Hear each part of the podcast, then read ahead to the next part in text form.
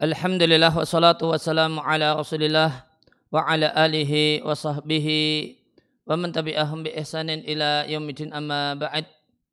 Kaum muslimin dan muslimah rahimani wa rahimakumullah. Kembali kita lanjutkan membaca dan mentalaah buku Al-Arba'un At-Tatwiriyah karya Ali eh, Al-Ujain atau Al-Ajin hafizallahu taala wa faqahu. Namun sebelum dilanjutkan ada keterangan tambahan berkenaan dengan hadis yang ke-17 tentang sukses dunia dan akhirat. Sebagaimana dikatakan di halaman 82, fastamti' bidinika wa hayatik. Maka nikmatilah dapatkan kesenangan dengan agama dan hidupmu, dunia dan akhiratmu. Dan berkenaan dengan masalah sukses dunia dan akhirat itu biasanya uh, dihubungkan dengan doa Rabbana atina fid dunya hasanah wa fil akhirati hasanah wa qina adzabannar. Yeah. Maka keterangan tambahan yang ingin disampaikan adalah penjelasan tentang doa Rabbana atina fid dunya hasanah wa fil akhirati hasanah wa qina adzabannar. Penjelasannya diambilkan dari kitab Tufatul Zakirin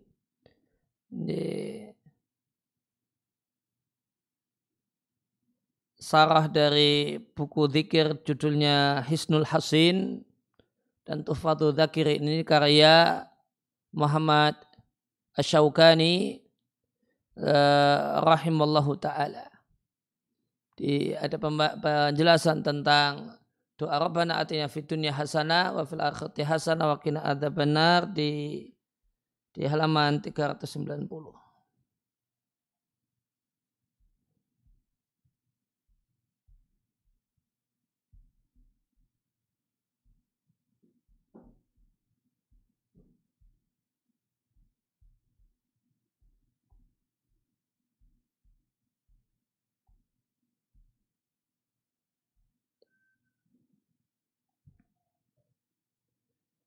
Ya, maka disampaikan tentang Allahumma atina fid dunya hasanah wa fil akhirati hasanah wa qina adzabannar. Ya, doa Nabi ini uh, diriatkan Bukhari dan Muslim. Dari Anas bin Malik radhiallahu anhu, kana aktsar doain Nabi sallallahu alaihi wasallam mayoritas doa Nabi sallallahu alaihi wasallam adalah Rabbana atina fid dunya hasanah Allahumma rabbana atina fid dunya hasanah wa fil akhirati hasanah wa qina adzabannar. Zada muslimun dalam riat muslim terdapat tambahan Wakana Anason dan adalah Anas radhiallahu anhu jika ingin berdoa dengan satu doa beliau akan berdoa dengannya. Dan jika beliau ingin berdoa dengan satu doa da'a bihafihi maka di dalamnya ada doa ini.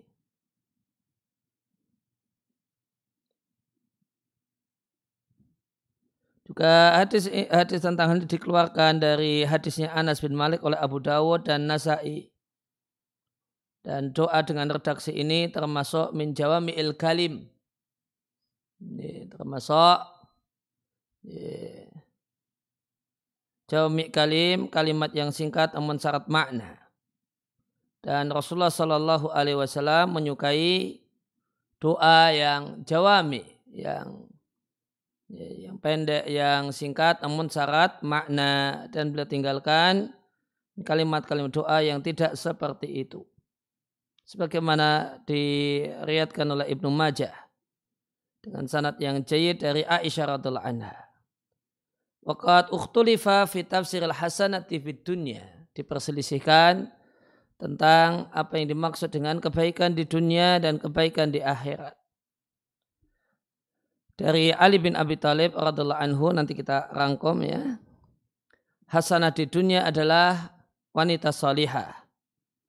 Sedangkan hasanah di akhirat adalah bidadari. Sedangkan adab neraka itu istri yang jelek. Ini, ini, ini penjelasan Ali. Sedangkan Al Hasan Al Basri mengatakan hasanah di dunia adalah ilmu dan ibadah. Sedangkan hasanah di akhirat surga. Dan yang dimaksud dengan jagalah kami dari siksa neraka, jagalah kami dari semua syahwat dan dosa. Yang ketiga, dan ada yang menjelaskan bahasanya hasanah di dunia adalah badan yang sehat. Badan yang sehat, wal kafaf, terpenuhinya kebutuhan, wal afaf, dan terjaganya kehormatan dan dimudahkan untuk melakukan kebaikan.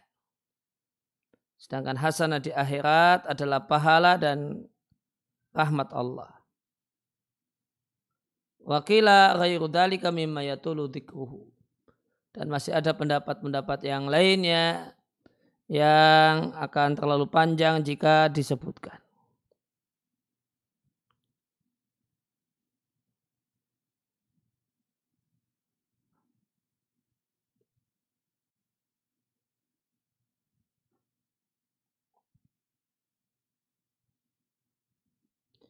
Kemudian kesimpulan dari Syaukani tentang makna hasanah.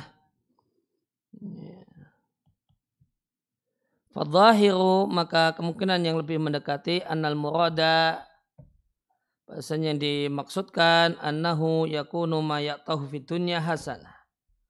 Apa yang Allah berikan adalah apa yang Allah berikan kepadanya di dunia itu kebaikan. Fayakunu kulu khaslatin min khalid dunya hasanah. Maka semua perkara dunianya hasanah sebagaimana semua perkara akhiratnya hasanah.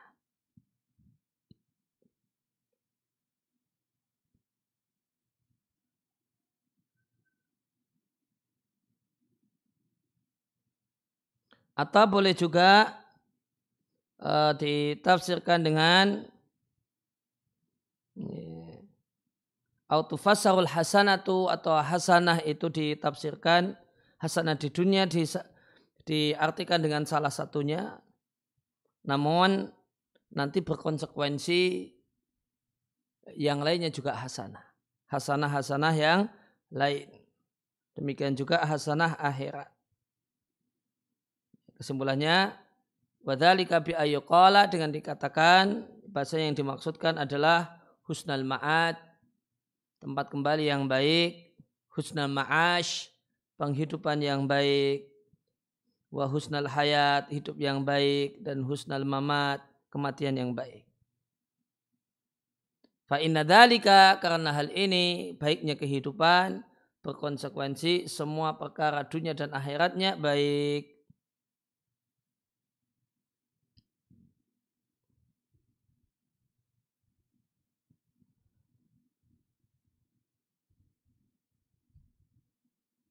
Jadi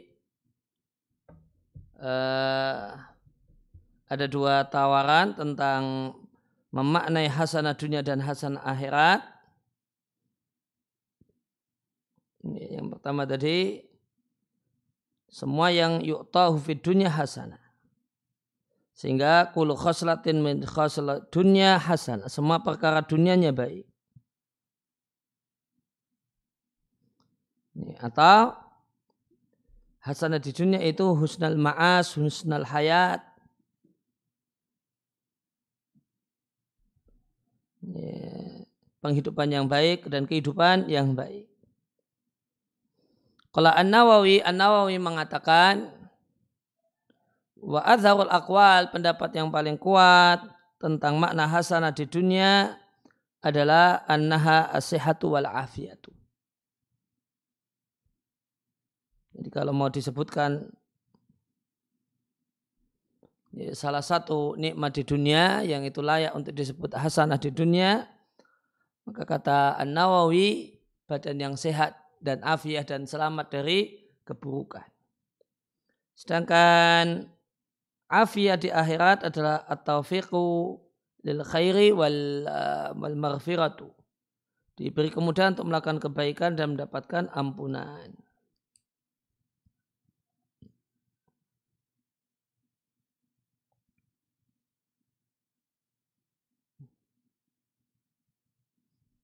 Ya, jadi kemudian kenapa ada ragam pendapat yang macam-macam semacam ini?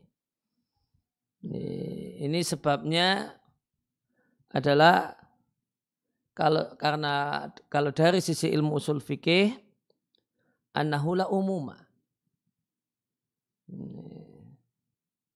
Di hasanah ya, di redaksi itu tidak bisa dimaknai umum. Kenapa? Di anaula sirota amatahuna hahuna karena tidak ada sirah umum. Karena yang dijumpai adalah isim nakirah didahului kalimat positif. Sehingga tidak la yufidul umum tidak menghasilkan makna umum. Cuma menghasilkan makna mutlak gitu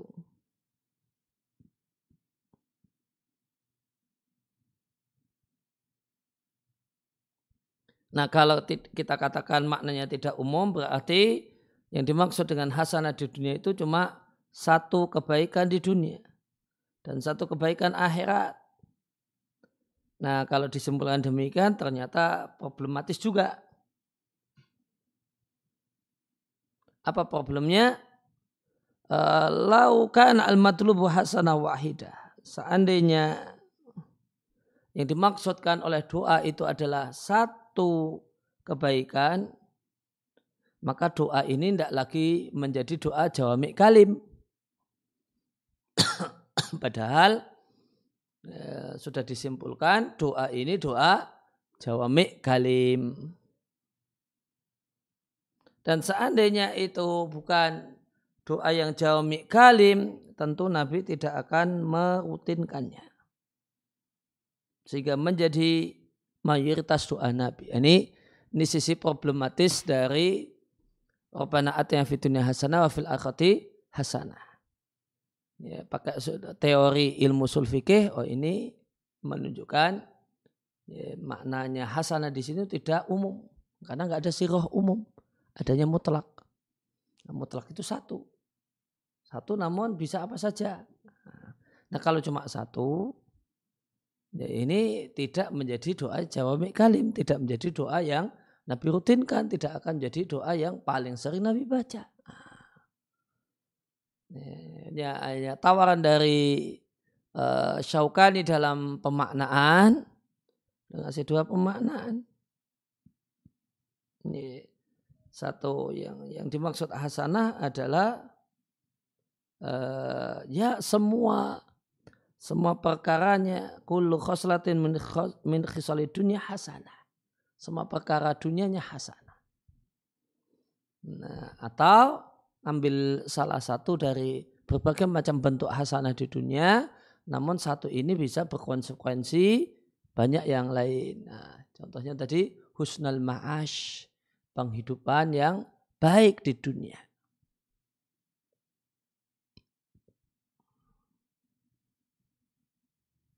Ya, maka di antara pendapat-pendapat yang ada jadi tentang hasanah di dunia, kalau Ali bin Abi Thalib mengatakan istri salihah itu hasanah di dunia. Hasan al-Basri mengatakan ilmu dan ibadah. Ya, maka diberi ilmu itu hasanah di dunia. Diberi kemudahan untuk ibadah, kemudahan untuk berpuasa, terutama puasa-puasa yang istimewa, puasa Asura misalnya di hari-hari ini itu bagian dari hasanah uh, hasanah dunia. Kemudian tadi ada penjelasan yang ketiga yang dibawakan badan yang sehat,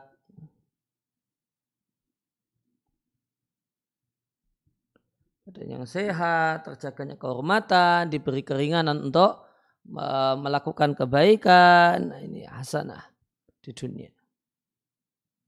Ini tambahan keterangannya.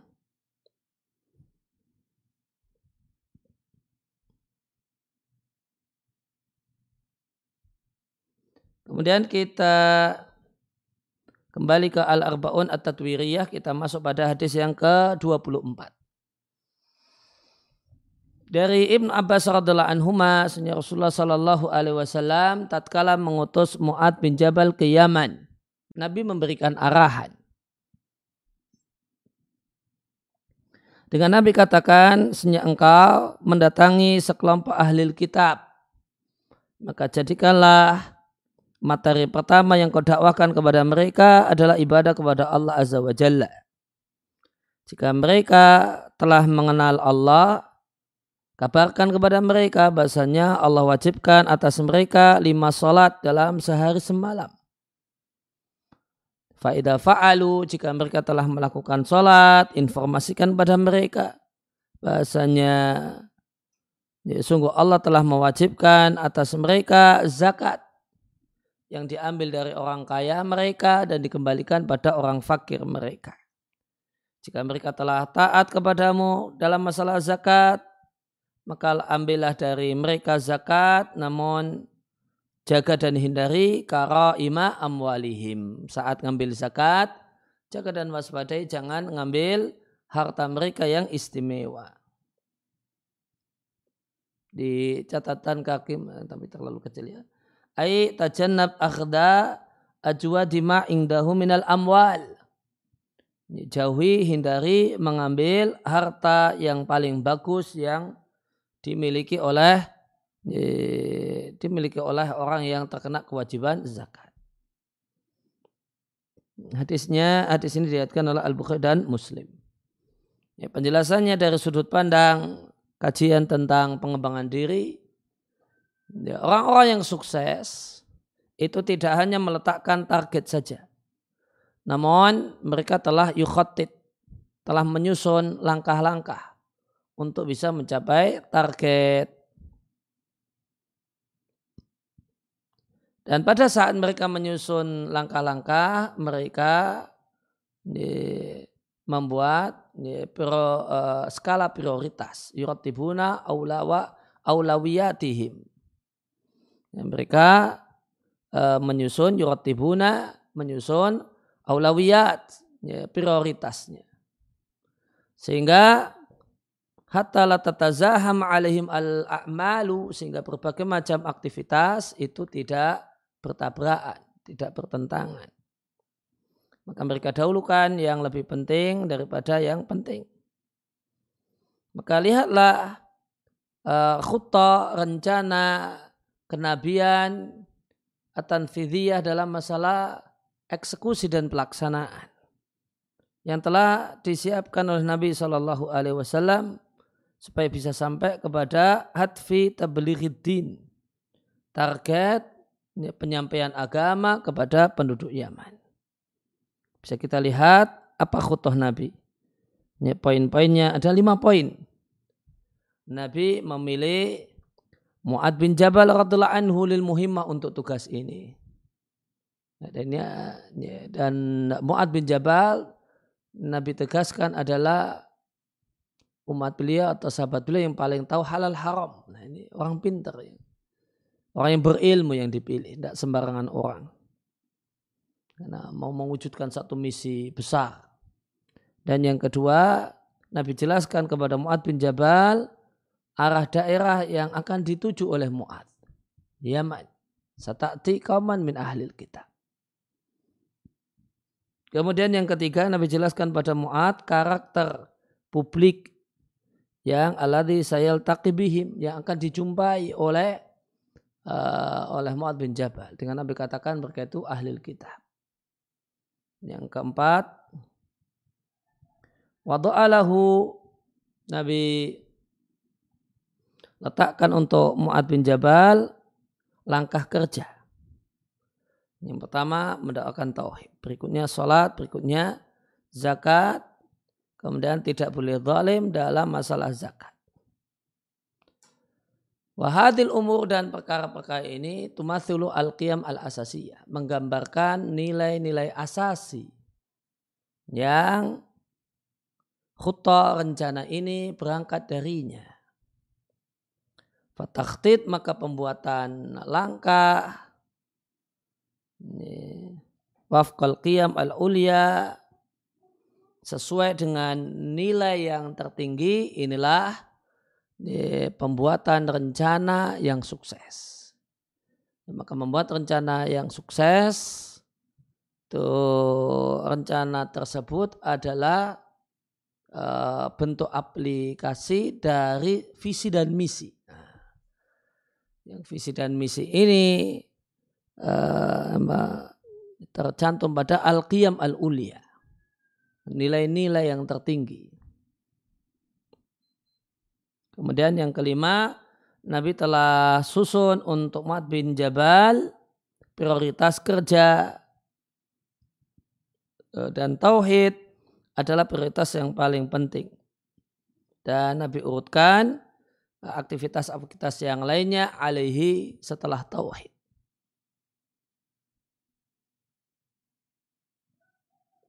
Ya, maka di antara metode untuk uh, manajemen waktu, tandimil uh, al-wakti.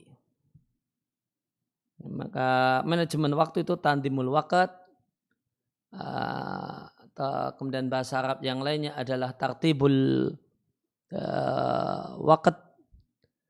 Ada juga digunakan istilah tauzi al-awqat distribusi waktu. Nah itu uh, semuanya terjemahnya kurang lebih manajemen waktu. Wa ta'amul dan di antara metode berinteraksi dengan berbagai macam kejadian dalam kehidupan itu ada satu metode yang yu'rafu dikenal dengan sebutan murabba idaratil aulawiyat. Uh, segi empat manajemen prioritas merubah segi empat, idarah itu manajemen, aulawiyat, prioritas.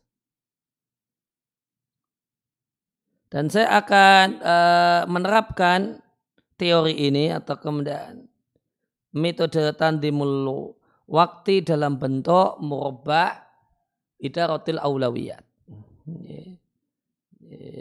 Empat, uh, segi empat, uh, manajemen prioritas.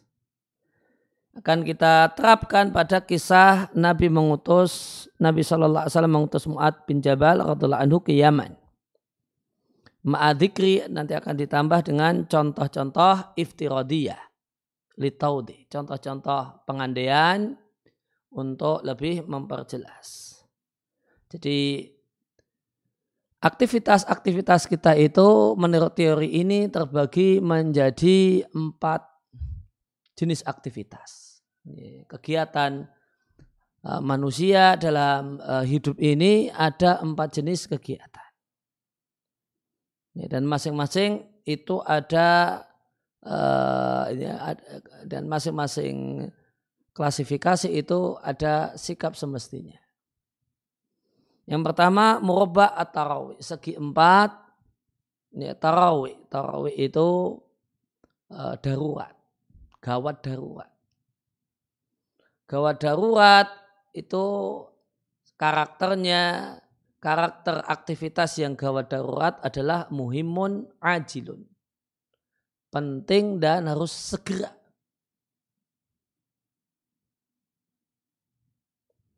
Ya, mari kita bayangkan bagaimanakah keadaan Mu'ad radhiallahu anhu pada saat mendapatkan perintah Nabi untuk safar ke Yaman. Fahadihi maka ini perintah berangkat ini kondisi tori, kondisi darurat dan penting. Maka Mu'ad punya kewajiban untuk menyiapkan bekal makanan dan kendaraan yang bisa digunakan untuk perjalanan dari Madinah ke Yaman. Wa ala yang uh, wa ala dan muat tidak boleh tersibukkan untuk persiapan pemikiran, persiapan akidah, persiapan fikih untuk dakwah. Maka prioritas di sini adalah persiapan berangkat safar ke Yaman.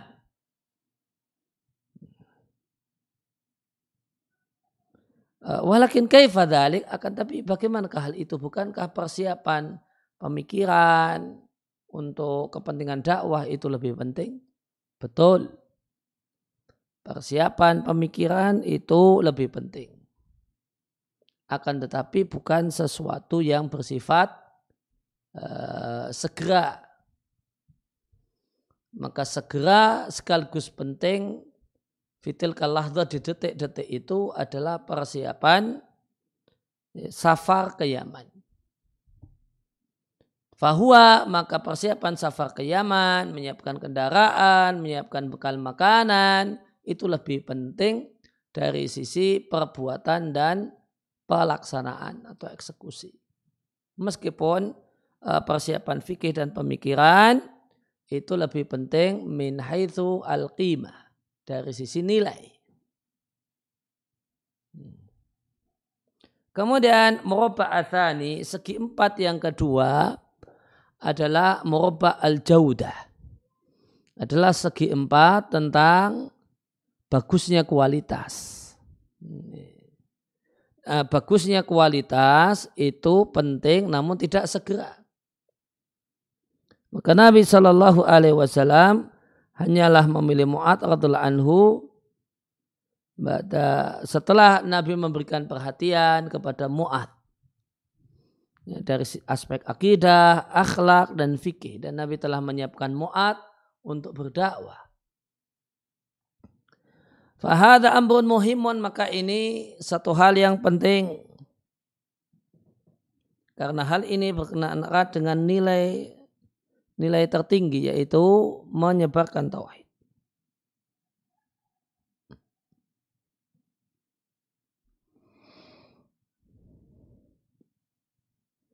dan menyiapkan orang-orang yang siap diterjunkan untuk menyebarkan tauhid dan dia adalah orang yang siap uh, dan layak dari sisi akhlak, dari sisi akidahnya, pemahaman fikihnya, maka ini adalah langkah atau rencana yang tawilul ajali.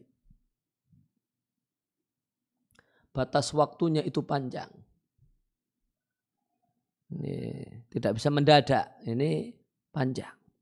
Hatta idah taja ilaihi sehingga jika Nabi itu memerlukannya dia telah Nabi mendapatkannya dalam kondisi siap untuk melaksanakan tugas. Dan di poin keempat inilah Nabi Shallallahu Alaihi Wasallam menghabiskan waktunya di poin ini. Persiapan kualitas. Wahada murabba'un najihin. Nah, ini segi empatnya orang-orang yang sukses.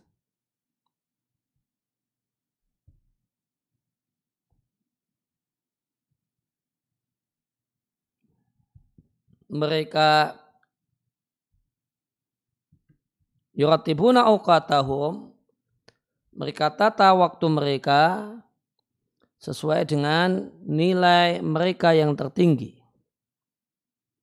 Maka jika terjadi perkara yang gawat, kanal insan maka seorang itu sudah siap untuk melaksanakan tugas. Kenapa ini disebut murabba an-najihin? Segi empatnya orang-orang yang sukses.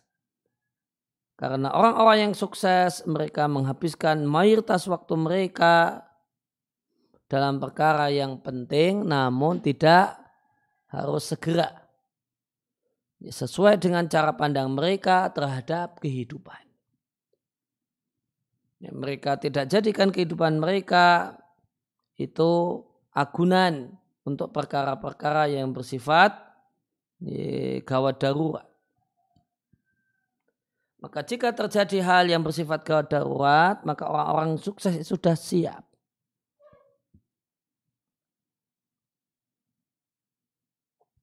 Seandainya kita bayangkan bahasanya Seandainya kita bayangkan bahasanya Mu'ad bin Jabal yang termasuk sahabat yang paling berilmu, tidak perhatian dalam membentuk dirinya secara pemikiran, akidah dan dakwah wahasyau dan itu mustahil.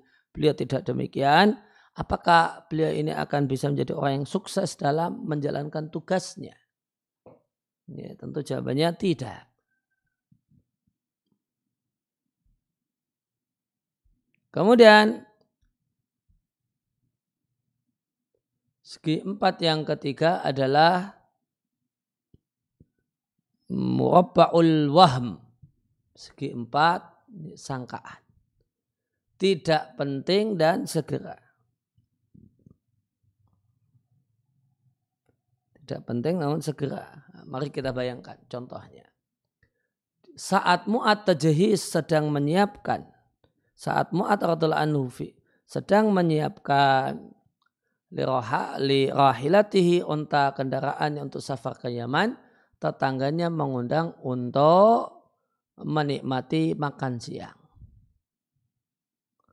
Maka hal ini menikmati makan siang itu perkara segera. Karena waktu siang telah tiba. Akan tapi tidak penting bagi Mu'ad radhiallahu anhu. Yang sedang menyiapkan kendaraannya untuk safar. Maka menyibukkan diri dengan makan siang sehingga menelantarkan persiapan untuk safar itu satu hal yang tidak mungkin dilakukan. Dia tidak penting namun segera karena waktunya tiba.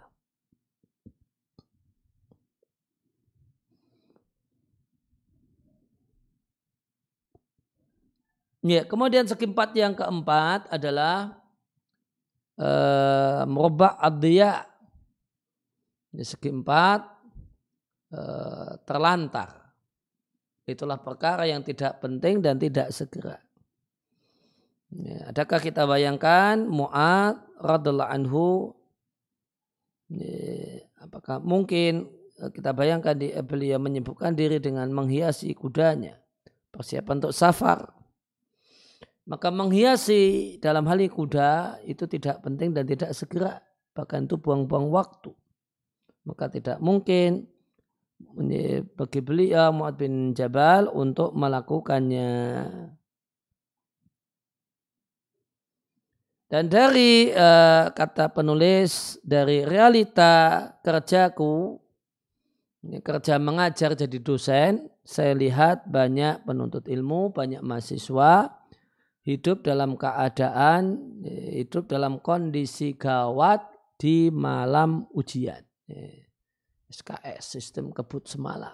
Nah, itu kondisi tawari, gawat darurat.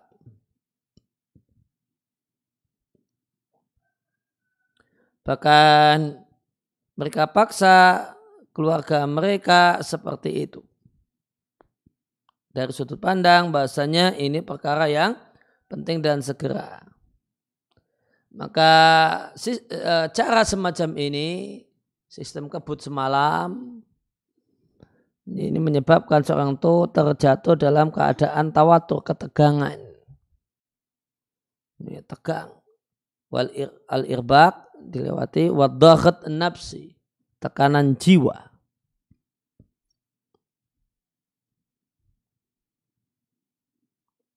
Nah ini sistem kebut semalam ini bukan gaya bukan gaya Ya, orang-orang yang sukses tadi.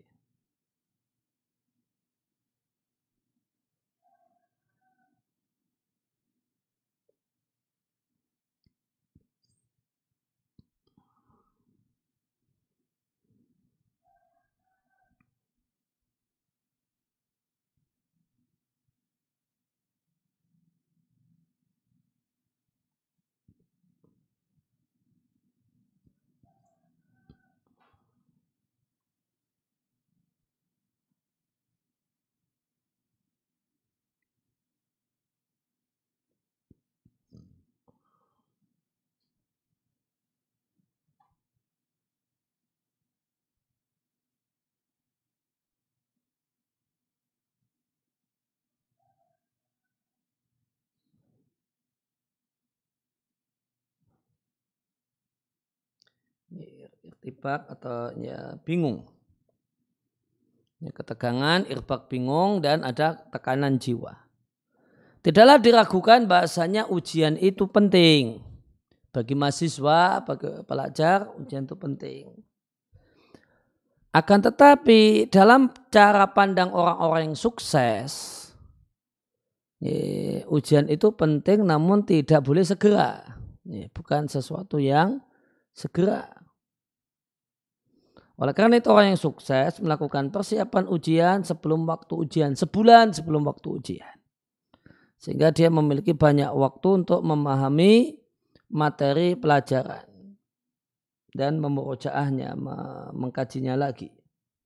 Sehingga ketika waktu ujian dan berubahlah ujian itu menjadi sesuatu yang segera, ya, maka orang yang sukses hanya memurojaah bahan ujian dengan ketenangan dan ketenangan jauh dari kondisi gawat darurat. Ini beda orang sukses dengan yang tidak sukses. Maka mereka orang yang sukses tidak akan menjadikan perkara penting itu berpindah ke kota ya, tawari hal-hal yang bersifat gawat darurat. Namun mereka telah melaksanakan hal yang penting tadi sebelum waktu realnya dalam rangka memanfaatkan waktu. Li'anaka la ta'lamu karena Anda tidak mengetahui jika Anda menundanya, apakah mungkin untuk melaksanakan ketika tiba waktunya. Anda boleh jadi seorang itu sakit. Atau insagala bihalatin. Tersibukkan dengan satu kondisi yang uh, tidak disangka.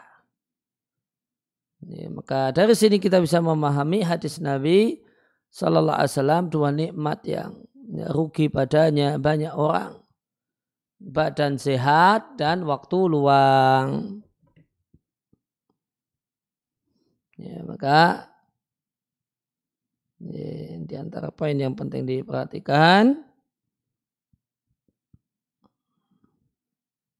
hal-hal yang penting itu diposisikan oleh orang-orang yang sukses tidak dalam kategori eh, segera.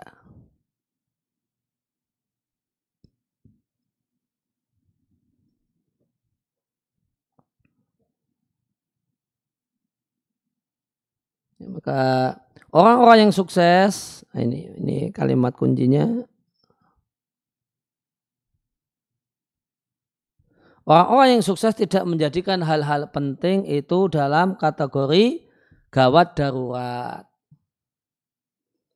Kalau di bidang ya, tadi ada ujian, ada kemudian eh, Mbak, ya kalau di dunia mahasiswa juga ini sudah hampir kena DU, ini posisi gawat darurat. Nah, ini ya, aslinya bukan orang yang sukses, meskipun akan bisa dilewati dengan lancar oleh orang-orang yang pintar sekaligus masih beruntung. Nah, pintar namun tidak beruntung, boleh jadi ya, lewat itu beruntung tapi tidak pinter ah, karena sudah kerja waktu DO bisa juga tidak tidak tercapai. Gitu. Ya, maka penting ini ya untuk uh, bagi orang yang ingin jadi orang sukses. Jangan jadikan perkara-perkara yang penting itu dalam kolom, dalam kotak, ya, hal-hal tawari, hal-hal yang bersifat gawat darurat namun letakkan di kotak kedua tadi. Ini di sini letak di posisi orang yang sukses. Merobak jaudah. Muhim ghairu ajil. Hal yang penting itu diposisikan pada sesuatu yang tidak mepet. Tidak segera namun masih longgar.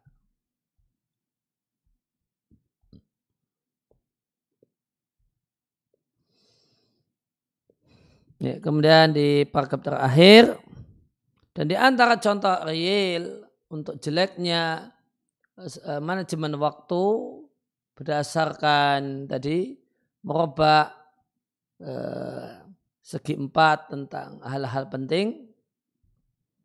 Sebagian orang ya, ya tidak kemudian tersibukkan diri dengan segi empat jauh dah yaitu penting tidak segera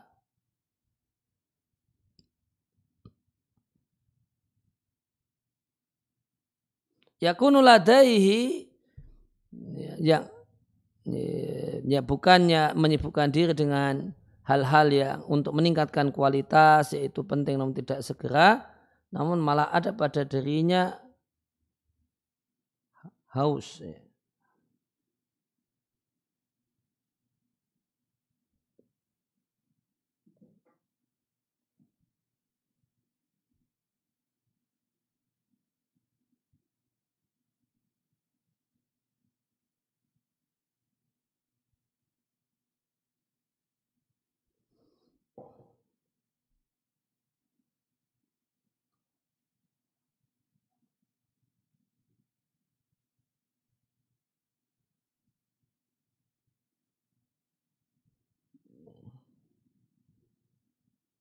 Hawisa bisyai.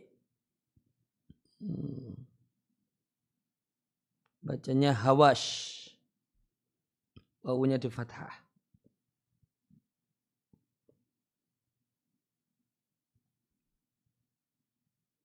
Juna iskon bisyai. Asik dengan sesuatu. Jadi harusnya sibuk dengan apa hal yang penting tidak segera, namun malah asik untuk uh, mengikuti teleponnya. Firati merespon setiap uh, mukalamah, ajaan untuk uh, setiap dering telepon. Setiap ya, ada panggilan. Padahal itu tidak penting dan tidak segera. Yak di asaat dihabiskan berjam-jam yang panjang untuk mengikuti demikian juga contoh yang lain seorang itu menghabiskan waktu berjam-jam panjang untuk mengikuti wasail tawasul. Wasail tawasul itu medsos. Ala hisab dengan menelantarkan hal-hal yang penting. Ya suka medsosan ya boleh jadi dimaklumi tapi yang uh, yang menjengkeli kalimat berikutnya. Setelah itu dia mengadukan waktunya sempit. Saya nggak punya waktu. Karena hal yang seharusnya dia kerjakan dengan baik, dengan santai, itu dia habiskan untuk hal yang tidak berguna. Untuk ngobrol yang ada ada ya, pentingnya, sibuk sekolah-sekolah, medsos. Setelah kemudian deadline di depan mata, kemudian bilangnya, saya tidak punya waktu. Wakilatul barakati sedikitnya berkeberkahan waktu. Padahal permasalahannya adalah tentang masalah skala prioritas dan manajemen waktu. Oleh karena itu rencanakan target-target Anda dan warotip dan susunlah skala prioritasnya. Dan di antara hal yang penting adalah tadi menggunakan metode empat uh, empat uh, segi, segi empat tadi. Maka ini contoh manajemen waktu yang jelek tadi di paragraf terakhir. Contoh manajemen waktu yang amburadul. Ketika waktunya longgar, dihabiskan dengan hal-hal yang tidak manfaat. Setelah mepet, bilangnya saya sudah tidak punya waktu.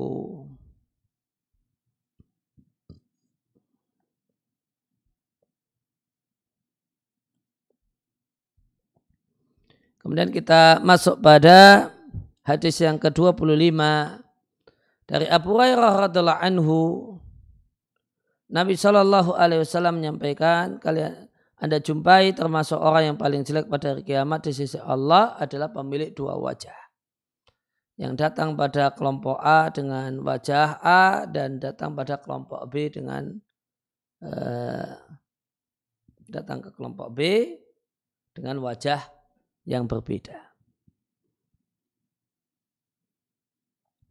Maka oh, demikian dalam hadis yang diriatkan oleh Al-Bukhari dan Muslim. Maka orang-orang yang sukses mereka adalah orang-orang yang berdamai dengan dirinya sendiri. Mereka adalah orang yang selaras antara ucapan dan perbuatannya. Saat sepi sendiri dan ketika bersama orang lain. Dohirnya sebagaimana batinnya. Batinnya seperti dohirnya. Mereka tidak punya kecuali satu wajah saja yang dengannya dikenali oleh banyak orang. Maka sikap-sikap mereka itu kokoh karena prinsip-prinsip mereka itu kuat. Adapun orang yang gagal menyangka. Bahasa kesuksesan itu adalah dengan dia berbolak-balik dan mengalah dari prinsip-prinsipnya sesuai dengan hawa nafsunya. Oleh karena itu Nabi mengatakan termasuk orang yang paling jelek. Itulah orang yang tidak ada pada dirinya kedamaian internal. Wal aman dan rasa aman dalam diri.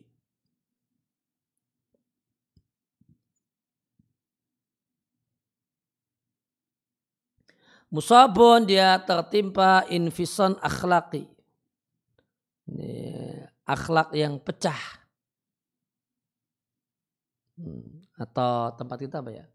Kepribadian ganda. Ya, orang yang bunglon berubah-ubah warna sesuai dengan maslahatnya. Maka dia menipu dirinya sendiri sebelum menipu mereka dan mereka. Inilah yang disebut dengan uh, sosok atau person mahzuza atau peran zabiqiyah atau intihaziyah. Nah ini perlu terjemah istilah psikologi ini.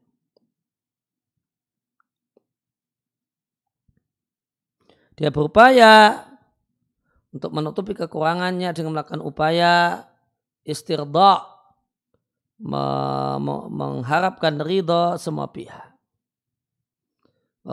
Dan boleh jadi jamaah kulladhalika. Dia kumpulkan semua hal itu. Maka Nabi SAW melabelinya dengan orang yang memiliki dua wajah. Dan Nabi jadikan orang itu adalah manusia yang paling jelek pada hari kiamat nanti di sisi Allah Ta'ala.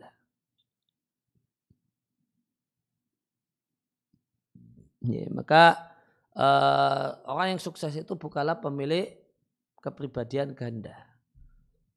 Yang punya muka A ketika bertemu A, muka B ketika bertemu B.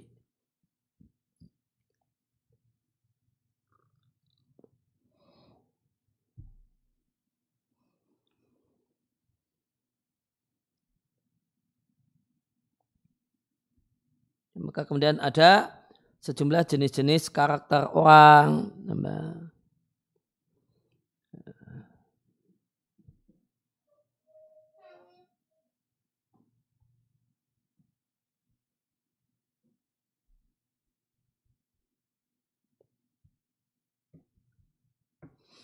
yang detail tentang hal ini eh, karakter-karakter orang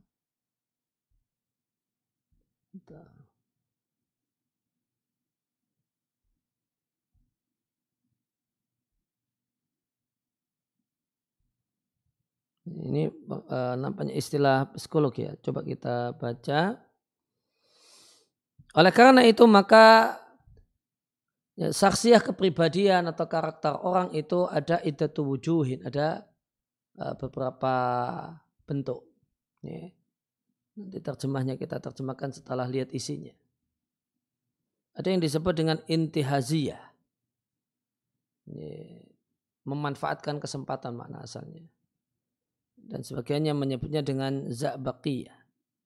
Itulah uh, model orang yang tata lawan ya, berubah-ubah warna sesuai dengan kondisi. Karena dia mau mengambil kesempatan untuk kepentingannya. Ya, maka orang uh, orang yang punya karakter semacam ini dia adalah pemilik dua wajah sesuai dengan hawa nafsunya. Maka orang ini tidak punya prinsip-prinsip hidup yang dipegangi tidak punya sikap-sikap yang tegas. Ya, dia terkadang berpindah dari ya, yasar ilal yamin, dari kanan ke kiri. Bukan karena yakin, namun karena bihasabi makasibi. Sesuai dengan apa yang dia dapatkan. Menguntungkan ataukah tidak. Ini apa ya namanya? Dia ya mana yang untung Dia bukan idealis, ya, namun apa? Kalau untung berpihak kepada A, dia pihak berpihak kepada A. Kalau dia menguntungkan pihak kalau gabung sama B, dia akan gabung sama B. Apa namanya bahasa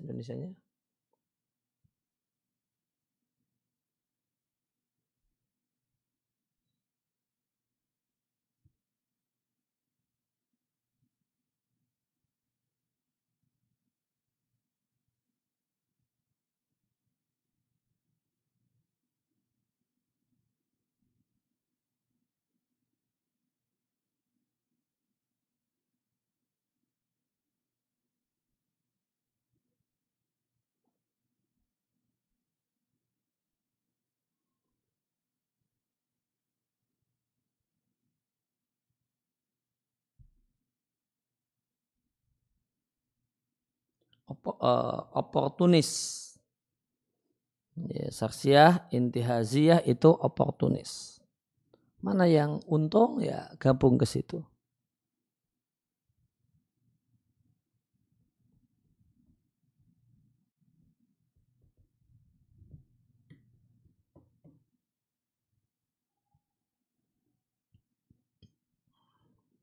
mana yang menguntungkan gitu prinsipnya jadi zakbaqiyah tadi istilah zakbaqiyah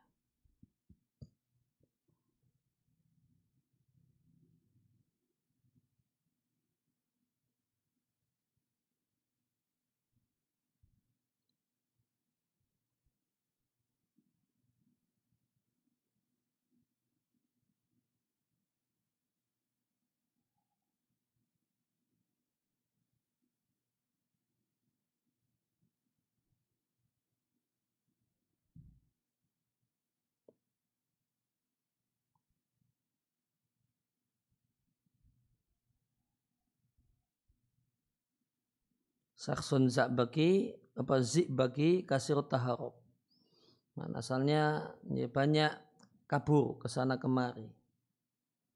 Dari kata-kata zik bakun itu uh, apa ini? Uh, sailun jati hararah. Satu cairan yang ketika derajat panasnya normal dia cair namun menjadi membeku uh, di derajat 40 di bawah nol.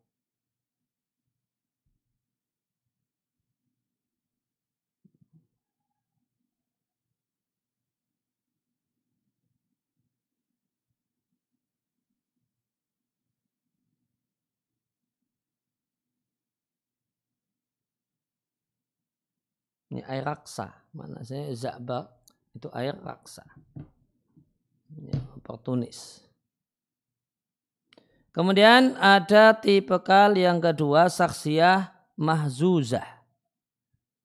Itu adalah orang yang takunu bihasabi muhitiha. Tidak punya prinsip namun tergantung lingkungannya. Tergantung lingkungannya. Kalau tadi tergantung kepentingannya ya, menguntungkan gabung ke pihak mana oportunis. Kalau ini tergantung lingkungannya. Fa'idakanat ma'asolihin jika dia ya, bersama orang-orang soleh maka dia memerankan peran kesolehan. Jika bersama orang-orang yang rusak maka dia rusak. Dia tidak ya, paten, dia tidak tetap dalam satu pendapat sangat terpengaruh dengan orang-orang di sekitarnya dan tidak bisa mempengaruhi. Dia tipikal orang yang tidak ingin membuat marah dan jengkel siapa pun. Bahkan mardatul akhari senang, orang lain itu senang itu yang jadi target hidupnya. Sabtul Karim Khudair memberikan deskripsi. Anda jumpai orang ini jika duduk bersama orang-orang pilihan, dia termasuk orang-orang baik termasuk orang yang baik. Namun jika duduk bersama orang-orang yang jelek, dia adalah orang yang termasuk orang yang paling jelek. Dan jika dia duduk bersama orang-orang yang biasa, ya dia pun semisal itu. Kulu hada ini semua supaya dia sejalan dengan semua orang. Dan dengan semua lapisan masyarakat. Seorang muslim tidak demikian. Seorang muslim wajib istiqomah di atas jalan yang lurus lahir dan batin. Baik ridho orang yang ridho, marah dan tidak suka orang yang tidak suka.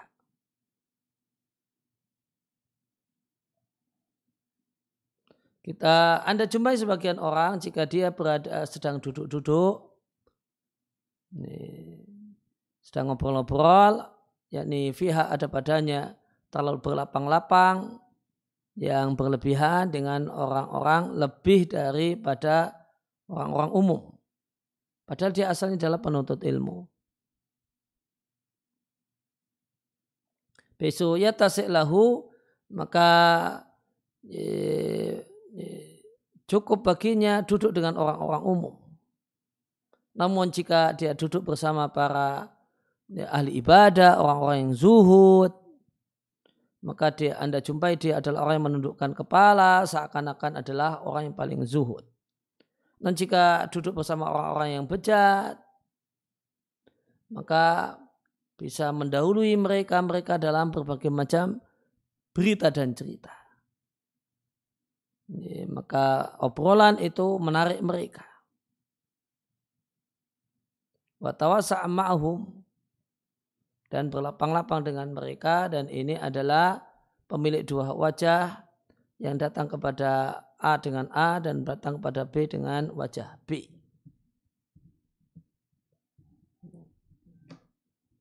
Di, ini orang yang tidak punya prinsip, tergantung uh, tipikal orang yang tergantung lingkungannya siapa. Ini istilah psikologinya.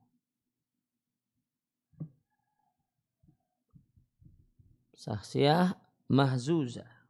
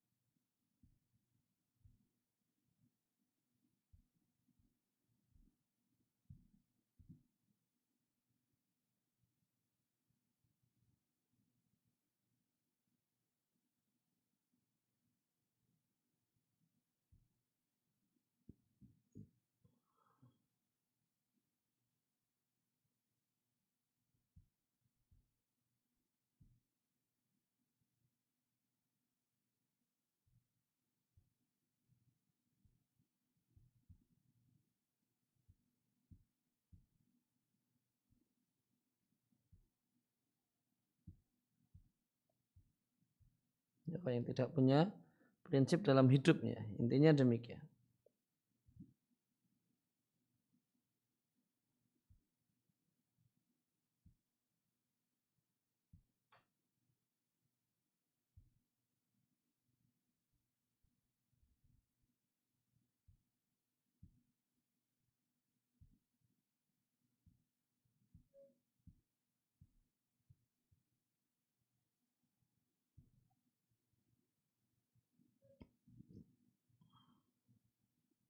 Didefinisikan dengan orang yang tidak memiliki ketekatan dan kemampuan untuk memilih.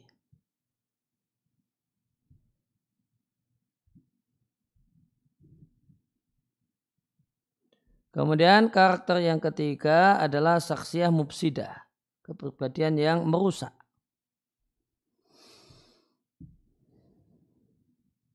Fayyatadhabu kaumin orang ini pergi ke satu komunitas untuk menampakkan loyal kepada mereka. Ini pribadi adu domba. Kemudian datang ke kelompok B kan dan menampakkan seperti itu, loyal kepada mereka. Kemudian dia kutipkan berita dari kelompok ini di antara keduanya lil ibsan untuk merusak hubungan.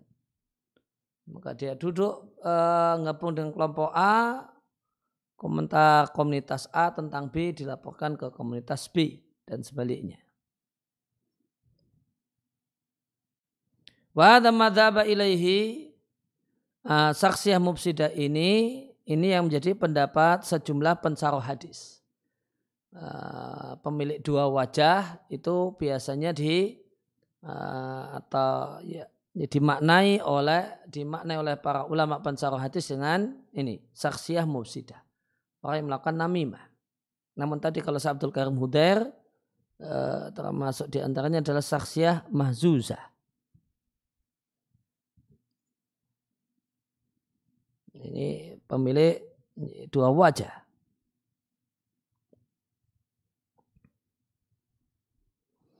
Uh, wakat uh, wa ala kulihal ala kulihal tentang apa makna dul wajah ini menurut para ulama ya saksiyat da'ifatun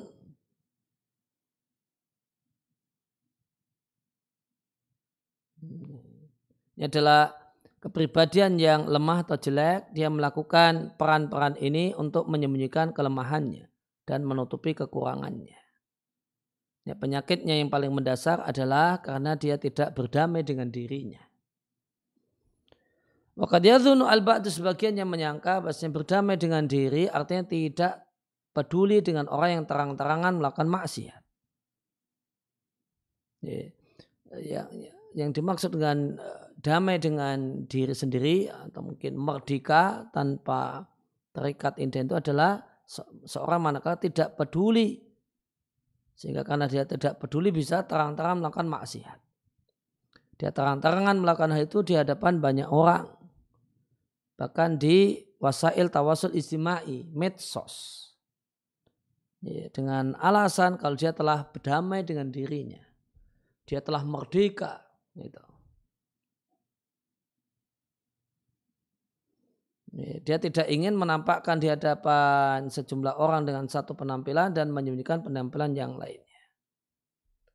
Nah, sikap alasan saya tidak mau munafik sehingga melakukan maksiat terang-terangan walaysa hada min tasalum adat ini bukanlah berdamai dengan diri sedikit pun. Karena seorang muslim dituntut untuk menutupi ke, aib dirinya dan tidak menyebarluaskan kejelekan di, di masyarakatnya.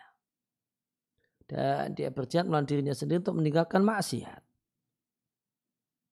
Dan dia dalam uh, kon, uh, dalam gulatnya bersama dirinya, pertempurannya dengan dirinya, maka dia mendapatkan pahala. Lihamlihi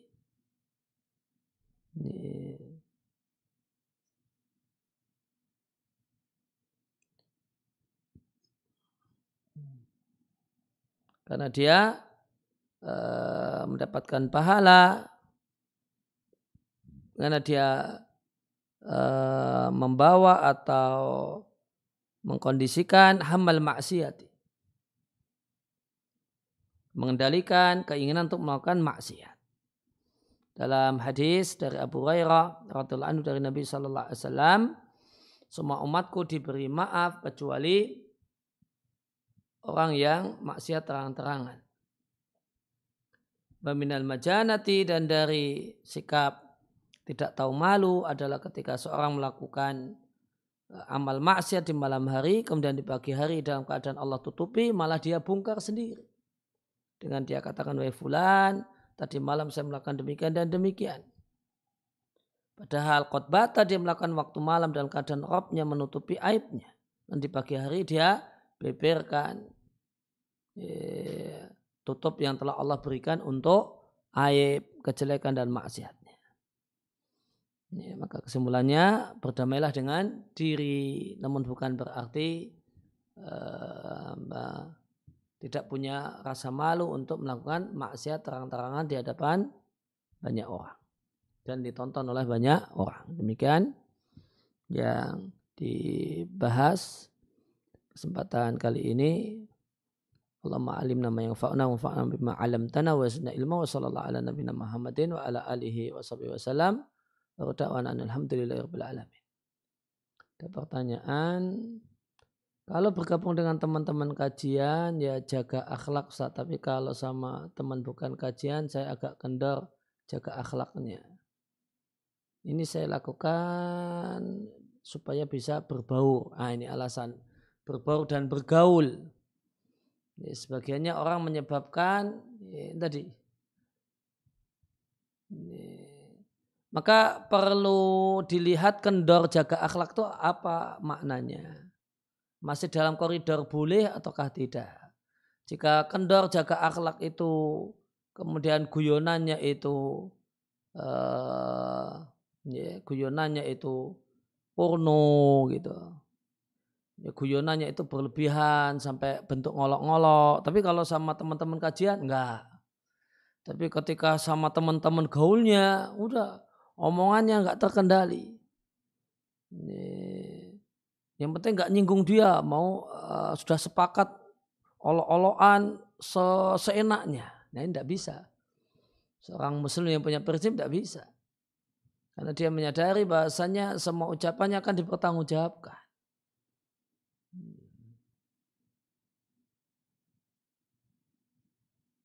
Dia, uh, kendor akhlak ini dijelaskan oleh si penanya tapi prinsip pokok seperti tetap jaga sholat di masjid, tetap saya jaga walaupun teman bukan ngaji saya walaupun teman walaupun teman bukan ngaji saya cara sholat di masjid. Apakah yang saya lakukan ini benar? Ya tergantung tadi pengertian uh, yang dilakukan tentang kendor jaga akhlak dalam tujuan berbau.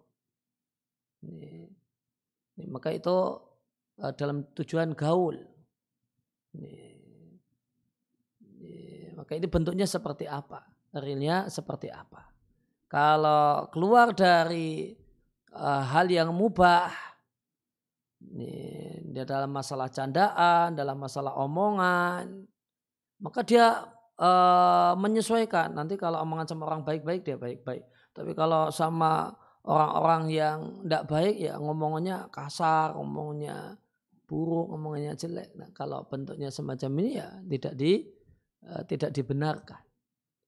Ya, prinsip seorang muslim itu bergaul namun tidak eh, tidak membau Ya, bergaul, ya, bergaul berbeda dengan berbaur. Bergaul artinya kita bersosialisasi, bermasyarakat, namun tidak berbaur. Jadi warnanya warna sama persis dengan orang-orang yang uh, ada di sekeliling kita. Padahal sebenarnya kita tidak sepakat. Ya, namun bergaul itu tujuannya adalah mempengaruhi dan bukan larut. Jadi bukan larut. Jadi kalau bergaul itu dimaknai dengan larut, nah ini tidak benar. Ya demikian subhanakallahumma wa bihamdika asyhadu an la ilaha illa anta astaghfiruka wa atubu ilaik.